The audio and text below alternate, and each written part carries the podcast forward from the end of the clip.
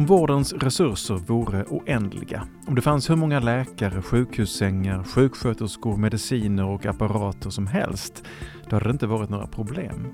Men så är det inte. Resurserna räcker inte till allt åt alla. Prioriteringar är nödvändiga. Så hur funkar det? Vem går först i kön och på vilka grunder? Är barn viktigare än äldre till exempel? Är det rimligt att de 700 000 svenskar som betalar för privata sjukvårdsförsäkringar får snabbare insatser än de som litar till den offentligt finansierade vården? Prioriteringsfrågorna är många och de diskuterar vi i Etikpodden där Region Skånes etikråd lyfter de svåraste frågorna i vården. Här är podden som tillåter tvivel, som utmanar åsikter och som guidar dig som lyssnar i konsten att föra nödvändiga etiska samtal. Jag heter Lars Mogensen och är journalist och med mig idag är Mats Johansson som är filosof och medicinetiker, ordförande i Etiska rådet. Hej Mats! Hej! Prioriteringar, ja. Ska vi börja med att försöka påminna om och klara ut vilka grundläggande principer som finns för hur vården ska prioritera? Vad är det som gäller? Ja, om vi tittar på hur det fungerar i, i Sverige så har eh, Sveriges riksdag antagit tre eh, prioriteringsprinciper som är centrala för alla prioriteringar i, i svensk hälso och sjukvård. Ibland kallas de för de, den etiska plattformen eller prioriteringsplattformen. Eh, eh och eh, de tre principerna är rangordnade och det börjar högst upp med den, den som då kallas för människovärdesprincipen. Och det är i hög grad en princip som säger vad vi inte får göra, att vi inte får ta hänsyn till ålder, eller kön, eller etnicitet eller social ställning i sig när vi eh, väljer vem som ska ges förtur till, till vård. Och eh, därefter är den mer ska man säga, eh, vägledande principen mm. som heter behovs och solidaritetsprincipen och den säger att det är den med de största behoven av vård som ska ges eh, prioritet. Den som har de största behoven av vård ska ges prioritet. Ja. ja. ja. Och den sista principen då som är lägst rangordnad enligt det här beslutet då, mm. är, det är kostnadseffektivitetsprincipen. Att, eh, något förenklat att allt annat lika ska vi välja den vård och behandling eh, som är billigast i, i relation till, till effekten. Men för, för respektive patient, det är inte så att två patienters behov, eller kommer det in en kostnadsaspekt på två patienters behov också eller? Man kan nog säga att, att eh, om vi tittar på en typ av, säg en cancerbehandling och vi står inför två olika behandlingsmöjligheter där effekten, den förväntade effekten är eh, ungefärligen densamma men den ena behandlingen är långt billigare. Då ska vi välja den billigare. Mm. Så det är en form av effektivisering också när det gäller kostnader. Den andra principen som du nämnde var behovs och solidaritetsprincipen. Vad innebär det solidariska i sammanhanget? Ja, det är en liten krånglig princip och läser man i eh, förarbetena till, till det beslut som kom då, den propositionen, så står det just att man ska vikta in också de som har svårt att göra sin egen röst hörd. Det är inte så att de sårbara grupper ska viktas tyngre i sig, men däremot ska vi se till deras behov så att det inte blir den som skriker högst får mest. Eh, Mm. Sådär. Mm. Eh, men det, det är behov som är centrum för, för den principen. Och detta gäller all vård i Sverige, beslutat av, av riksdagen? Ja, det gäller den offentligfinansierade ja. hälso och sjukvården. Mm. Um, behovs och solidaritetsprincipen var, var, var tvåan där och um, vi, vi, som söker vård, vi har ju ett behov, tycker vi. Men vad är egentligen ett behov? Det kan vara rätt många olika saker egentligen. Ja det kan det vara och det, det är verkligen en befogad fråga att ställa när det gäller hälso och sjukvården. För att eh, ibland kan vi tänka oss att ett behov är att man, man mår dåligt i vården eller så. Men ett behov i prioriteringssammanhang eh, kännetecknas av dels att du har nedsatt hälsa, funktionsförmåga, att du har ett lidande eller så. Men också att det finns något man kan göra åt det. Det finns en åtgärd. Därför att det är åtgärderna som är det man kan kalla för prioriteringsobjekt eller det vi ska prioritera emellan. Så det räcker inte med att du har en dålig situation. Det ska finnas någonting vi kan göra åt det. Helt eller delvis. Mm. Eh. Ja, det är intressant. Det är, det är inte man tänker att det är patienterna som ska prioriteras i en viss ordning. Och det är det kanske på ett sätt, men samtidigt är det åtgärderna, insatserna som ska prioriteras. Ja men exakt och, och eh, det, det som är i fokus är eh, eh på något sätt att lyfta de sämst ställda i hälso och sjukvården. Det, se till så att deras behov eh, hanteras i första hand. Då. Men alltså en patient är kanske döende och skulle behöva en blodtransfusion. Eh, en annan behöver någonting annat. Jag skulle behöva nytt hår till exempel. Eh, Även så, alltså ett, ett, behov, det kan vara jättestarkt. En, en estetisk operation eller um, viljan att få barn, som ju är ett enormt lidande för de par som verkligen vill få barn men som inte får det. Så hur viktar man sådana saker mot varandra? Nej, men det är en jätte, jättesvår fråga eh, förstås eh, och eh, beroende på vilken person vi frågar kommer vi precis som du är inne på, få olika svar. Samtidigt måste samhället ta ställning för det är en gemensam pott med resurser som ska kanaliseras till, till olika håll. Och dels kan man göra undersökningar där man försöker få människor att liksom rangordna olika typer av behov som de kanske inte just eh, har själva i, i stunden för att få hint om hur vi tänker kring de här sakerna. Men, men, eh, och ibland är frågan om ett behov alls hör hemma i hälso och sjukvården. Ehm, om vi tar fosterdiagnostik, eh, ofrivillig eh, barnlöshet och sådär. Jag säger inte att det inte bör höra hemma men, men de sticker ut i relation till sig cancersjukvård eller Parkinsonbehandlingar eller sådär. Så För att det, det, är, inte, det är ingenting olika... sjukt i sig, det är inget, eller hur ska man beskriva det? Jag, jag tror, eh, nu skulle ju många säga att nej, men det, är, det är en sjukdom och WHO ja. uppfattar det som en sjukdom om vi tar ofrivillig, ofrivillig barnlöshet. Men, men jag tror att det viktiga är att vi eh, komma överens om vad vi anser är ett gott liv sådant att samhället ska värna det för mm. offentliga resurser. Och det kan se ut på väldigt många sätt. Jag tycker egentligen det är mindre intressant att klassificera det som en sjukdom och mer om det är sjukvården som är bäst lämpad att hantera detta och detta uppfattas som angeläget för, för människor för, för att leva ett, ett eh, gott liv. Och då kan det handla om barn och det kan handla om annan typ av, av ohälsa och, och ångest och så vidare. Men eh, hur stor utmaning är det i detta då att liksom, utbudet av vård eller utbudet av medicinska insatser ökar? Det kommer nya mediciner, nya, nya sätt att förbättra oss på olika sätt. Eh, kommer de då också in och konkurrerar i, i de här prioriteringsordningarna? Ja, i, i viss utsträckning så kommer ny teknik och nya möjligheter in på, på den här arenan och ska ställas mot allt det andra. Därför att det är ju, det är ju, prioriteringsarbetet handlar väldigt mycket om att ställa olika åtgärder som riktar sig mot olika behov mot varandra. Och en utmaning eh, med det är ju, är ju dels att evidensen kan vara vacklande, att det är ny teknik, eh, mycket lovande men vi vet kanske inte riktigt om det fungerar i dagsläget. Så det är en komponent. En annan kan handla om att det är enorma kostnader med den här nya tekniken. Det kan handla om eh, terapier som har tagits fram för en väldigt liten patientpopulation och kostnaderna skjuter i höjden. Och där samhället måste någonstans fundera på vad får det kosta. Mm, mm. Eh. Och de här prioriteringarna, kan man säga, vad görs de egentligen? Är det, är det sjuksköterskan som triagerar i väntrummet på vårdcentralen eller på akuten eller är det någon över, över, överläkare någonstans i något mötesrum en helt annan dag eller är det politiker? Var, ligger, var tas besluten egentligen? Besluten tas egentligen på väldigt många olika nivåer om vi talar om prioriteringar i en vid eh, mening. Och eh, det börjar med politiska beslut och det handlar om resurstilldelning till, till hälso och sjukvården. Men då är det vården som ställs mot kollektivtrafiken, mot mm. försvaret, mm. mot skolan och sådär. Så prioriteringarna sker i väldigt, väldigt vid eh, mening till stora samhällstjänster eller så. Ehm, och sedan sker det på, på på, på ett sjukhusnivå till exempel. Vissa kliniker ska ha, vilka resurser ska de ha för att kunna eh, leverera den vård de, de behöver? Och sedan har man ett mer handfast prioriteringsarbete där enskilda terapier kan utvärderas, där man funderar på, ska vi det här ersätta något gammalt? Eh, och sedan hela vägen ner där den enskilda läkaren eller sjuksköterskan kan tvingas prioritera i tid mellan olika patienter mm. eh, beroende på behov och, och så.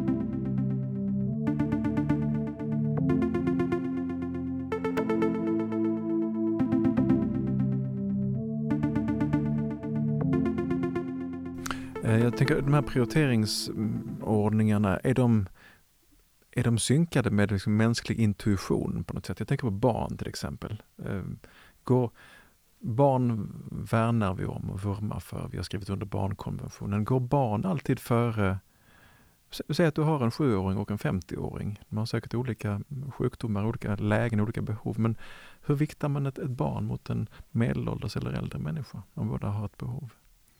Ja, eh, tittar man på människovärdesprincipen då och Mm. den svenska etiska plattformen så får vi inte fatta beslut enbart baserat på det som man kan kalla det för kronologisk ålder, alltså hur gamla vi faktiskt råkar vara.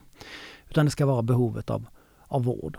Och då kan man ju tänka sig scenario där, där sjuåringen har eh, ringa behov av någon liten åtgärd och, och 50-åringen har eh, någon accelererande eller avancerad cancer som skulle kunna behandlas. Och då, och då tror jag många skulle vara överens om att nej, det, det 50-åringen ska ges förtur i, ett sådant fall. Men allt annat lika, eh, eller nästan Mm, lika, mm. ja, då tror jag många människor har en stark intuition om att ålder kan spela roll. Nu säger inte jag att det borde göra det, men, men jag tror till exempel att om vi jämför en 90-årig person med den här 6-7-åringen eh, och det kan vara livsräddande insatser. Då tror jag många har en intuition att, att barnet bör ges någon form av förtur. Jo, det kanske vi har, för vi tänker barnet har ju liksom så här mycket längre liv framför sig. Nu måttar jag med bägge- hammarna. Och en äldre människa har ju ett mindre spann framför Mm. sig. Men är det no får, får sjukvården tänka så? Alltså, i, I sjukvården, det är, en, det är en intressant fråga och jag skulle nog säga att den är något öppen fråga hur vi ska hantera det. Det finns något som kallas för biologisk ålder som, som har diskuterats i prioriteringssammanhang där man väger in eh, indirekt kan man säga vilka effekter kan den vård vi ger ha i termer av förväntad livskvalitet över tid. Mm. Så vi blickar framåt och då är det klart att, att eh, sjuåringen, eller sexåringen, nu glömmer jag vilken ålder vi är på. Sju sa jag från början, Sju han, det. han eller hon han blir sex under Ja, tiden. exakt, det blir ännu mer åldersskillnad. Eh, em, har em, har eh, längre livskvalitet eh, framför sig i termer Mm. av år och, och så. Så det skulle man kunna vikta in. Men sedan tror jag det finns en annan intuition, eller det finns en annan intuition i, i debatten som poppar upp ibland och det är något som på engelska kallas för fair innings.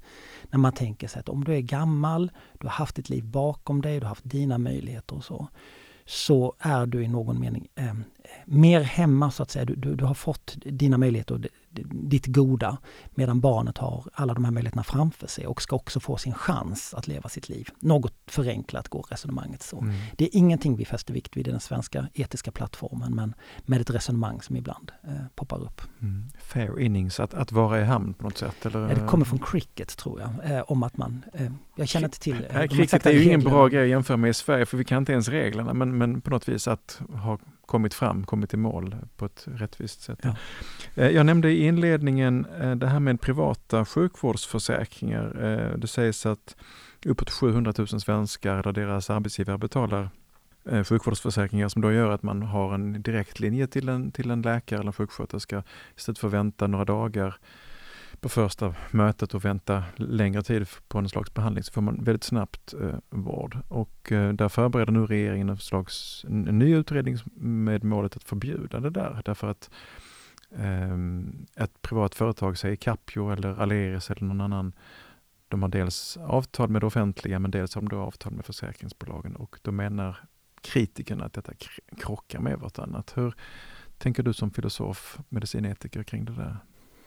Jag ser det nog som att det finns två eh, problem eh, med detta, eller problem som förtjänar diskussion i alla fall. Och, och det ena handlar om eh, risken för det man ibland kallar för undanträngning. Att om det offentliga och det privata eh, eh, slåss på samma arena så att säga om, om resurser så skulle det kunna vara så här att det, det privata då trycker undan det, det offentliga eh, på olika sätt. Då. Det är samma läkare kanske som, som då behöver prioritera och kanske gå mot det som är mer lukrativt, säg om det nu är försäkringssystemet. Mm. Så att det är det ena, den ena utmaningen man står inför. Eh, och eh, den typen av undanträngning är ju djupt problematisk om vi har en vision om att det ska vara lika vård till alla medborgare. Eh, då. Och den andra principen tar fasta på just det med, med, med lika vård och kanske mer handlar om, nu ska jag inte liksom komma med ett politiskt utspel, men jag tror att det är en, en av de intressanta sakerna att diskutera, nämligen att vi kanske ser en successiv nedmontering av den offentliga vården. För att om vi får in privata initiativ på det här sättet mer och mer och det är det som ska vi säga, välbärgade eller välbärgade företag Mm. väljer att satsa på så skulle det i sin tur också kunna dränera resurser så från det offentliga och då skulle man kanske kunna få problem på det sättet. Så jag tror att det, båda de två delarna är något som, som eh, många oroar sig för. Så det kommer bli en, en, en, lång och ganska politisk diskussion antar jag eh, så småningom. Ja, det finns en politisk diskussion i detta och, och man kan väl säga så här att helt utan att ta ställning till den så är det ju så här att om, om, ehm, om, priva, om offentligfinansierad eh, vård eh, nedprioriteras baserat på ska man säga, betalningskapacitet, eh, då, då börjar det hamna i strid med de principer vi haft ja, som vägledande fram till nu. Sen får vi se hur det blir. Men kommer, kommer eh, ni som etiskt råd i Region Skåne att mm, sätta er ner och grunna över detta och komma med något, något eh, mm, någon utsaga i, i frågan om, om privata sjukvårdsförsäkringar eller ska det, är det, tas det på en annan nivå? Ja, vi har ju ingen beslutande rätt så att säga. Vi är ju fria att kommentera den. Mm. Jag, jag, tycker den är svår att kommentera i ett enskilt beslut eller yttrande därför att den är så komplex och det beror på vad är det vi menar, vad är det för typ av försäkringar, hur fungerar det i praktiken, sker det en undanträngning? Eh, mm. Så att jag, i dagsläget har vi inget på gång. Eh, vad tycker du annars då som, som filosof och medicinetiker är de, de liksom knivigaste och viktigaste frågorna när det gäller prioriterings, prioriteringarna i vården? En har vi ju redan berört och den gäller ju vad får vård kosta? Mm. Eh, och eh, sett till hur behovsprincipen fungerar så ska vi då se till behovet hos de, de individer som har det svårast. Men om de kostnaderna, kostnaderna skenar ordentligt, att vissa terapi eller, eller behandlingar då är väldigt, väldigt dyra, Eh, då kan den här typen eh, av behandlingar bli resursdränering för hela hälso och sjukvården. Och frågan är, vågar vi sätta ett tak för vad vård eh, får kosta? Och då skulle man kunna säga, nej men vi får inte sätta något tak, det är oetiskt att sätta ett tak. Men då ska man komma ihåg att då tar man resurser från andra eh, områden i hälso och sjukvården. Och dels är det andra patienter som blir utan vård helt och hållet, kanske många patienter som blir utan vård om det är extremt dyra behandlingar det handlar om. Men på sikt kanske vi också riskerar underminera den politiska legitimiteten till hela systemet. För frågan är, vill jag finansiera ett system som jag aldrig får något ut av tillbaka kanske? Men att säga det till, till den här familjen vars barn har en ovanlig sjukdom som kostar, vad vet jag, mm. hundratusentals kronor för varje behandlingstillfälle. Att mm. sorry, det kostar för mycket. Mm. Det är inte lätt. Det är inte lätt, eh, men samtidigt så är det ju, skulle det bli aktuellt så är det viktigt att göra det öppet, att det blir transparent, att man inte trollar bort problemet. Och eh, man kan skilja mellan öppna och dolda prioriteringar och i Sverige ska vi ha öppna och det innebär att vi ska kunna titta på beslutsunderlaget, diskutera det, eh, kritisera det, kanske omvärdera det vid behov. Men annars sker prioriteringarna i det fördolda därför att de måste ske. Därför att vi har en inte en oändlig eh, mängd resurser. Så de sker hela tiden i sjukvården, ja samhället i stort också. Mm. Eh, så att det, det, man kanske ibland reagerar på det att någon öppet säger det, vad får ett liv kosta. Men, men eh, finns det bedömningarna sån, görs hela tiden. Finns det en sån där prislapp på vad, vad, vad kostar ett liv per år? Eller vad, vad är ett liv värt? Nej, man, man, man har ju olika system i världen, eh, både när det gäller trafik och annat, försökt liksom hitta, hitta en siffra. Eh, vi har ingen sådan enkel, eh, enkel siffra eh, som man laborerar med. Men det är en viktig diskussion att, att överhuvudtaget lyfta eller förhålla sig till. Eh, men det handlar inte bara om liv här, liv och död, utan det handlar om livskvalitet. Hur mycket får en något förbättrad livskvalitet eh, kosta för kroniskt sjuka under tid? Och den här diskussionen tycker jag verkar hänga intimt ihop med, med liksom legitimiteten för sjukvårdssystemet och att vi som patienter, medborgare, skattebetalare känner att, att det funkar och att vi får det vi tycker oss ha behov av. Jag tror det kanske är viktigt, om jag får spekulera, att, att vi känner att vi får tillbaka rimligt eh, mycket av det här systemet som ändå kostar ganska mycket. Eh, och då tror jag många eh, uppleva. Men, men, eh, eh, men sedan så tror jag ju också att vi, vi är väl många som tycker det är viktigt att vara solidarisk med de som har det svårast. Inte bara för att vi kanske riskerar själva att hamna där utan för att vi tycker det är viktigt att alla medborgare ska, ska ha eh, en god möjlighet till ett gott liv. Och rent konkret, hur funkar Etiska rådet som bollplank gentemot sjukvården i, i de här prioriteringsfrågorna? Vi har ju eh, kan man säga, agerat i, i Region Skåne på lite olika sätt. Så vi har ju tidigare haft utbildningar där vi diskuterat det. Vi har haft seminarier på, seminarier, eh, seminarier på prioriteringsteman vid eh, antingen direkt eller indirekt, för prioriteringen finns där hela tiden i bakgrunden. Och vi har i några fall också varit bollplank eh, mot politiken då när det gäller frågor. I, i enskilda ärenden, eller i, eh, kanske inte patientärenden, men liksom i ganska konkreta sammanhang då? Ja, och så har vi i något fall också skrivit ett yttrande på eget eh, bevåg där vi på något sätt kritiserar en praktik som ytterst har sin grund i prioriteringsaspekt. Vad kan det vara för någonting? Ja, just det fallet handlar det om så kallad med, medfinansiering där det offentliga och det privata kan man säga möts. Att, att eh, regionen då erbjuder att patienten ska kunna köpa till en bättre, bättre lösning än vad hälso och sjukvården normalt sett anser att man ska kunna Eh, kunna erbjuda. Men, men det offentliga skjuter till pengar upp till en viss gräns. Tyckte ni att det var okej okay, eller?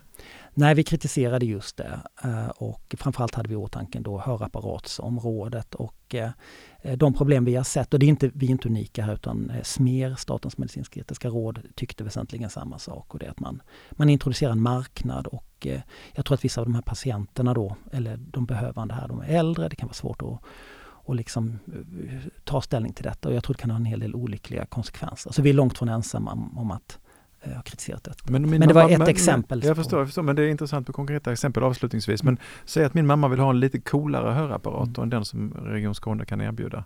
Mm. Eh, då får hon fixa den själv eller kan, hon kan, det kan liksom inte vara medfinansiering på något sätt? Ja, medfinansiering idag är en möjlighet. Mm. Eh, inte överallt och absolut inte i alla eh, sammanhang därför att medfinansiering passar inte alla sammanhang överhuvudtaget. Men, men eh, när det gäller hörapparater till exempel och en hel del annan typ av utrustning så finns det ju en helt privat marknad och det är mm. inte den vi kommer, har kommenterat utan det har varit när, när, när den offentliga finansieringen möter det privata och man, kan, man skapar kan man säga, en marknad inom det offentliga. Det är det vi har ställt oss tveksamma till. Sedan som sagt då, det kan finnas många olika varianter av detta som, som inte, ja, det beror på.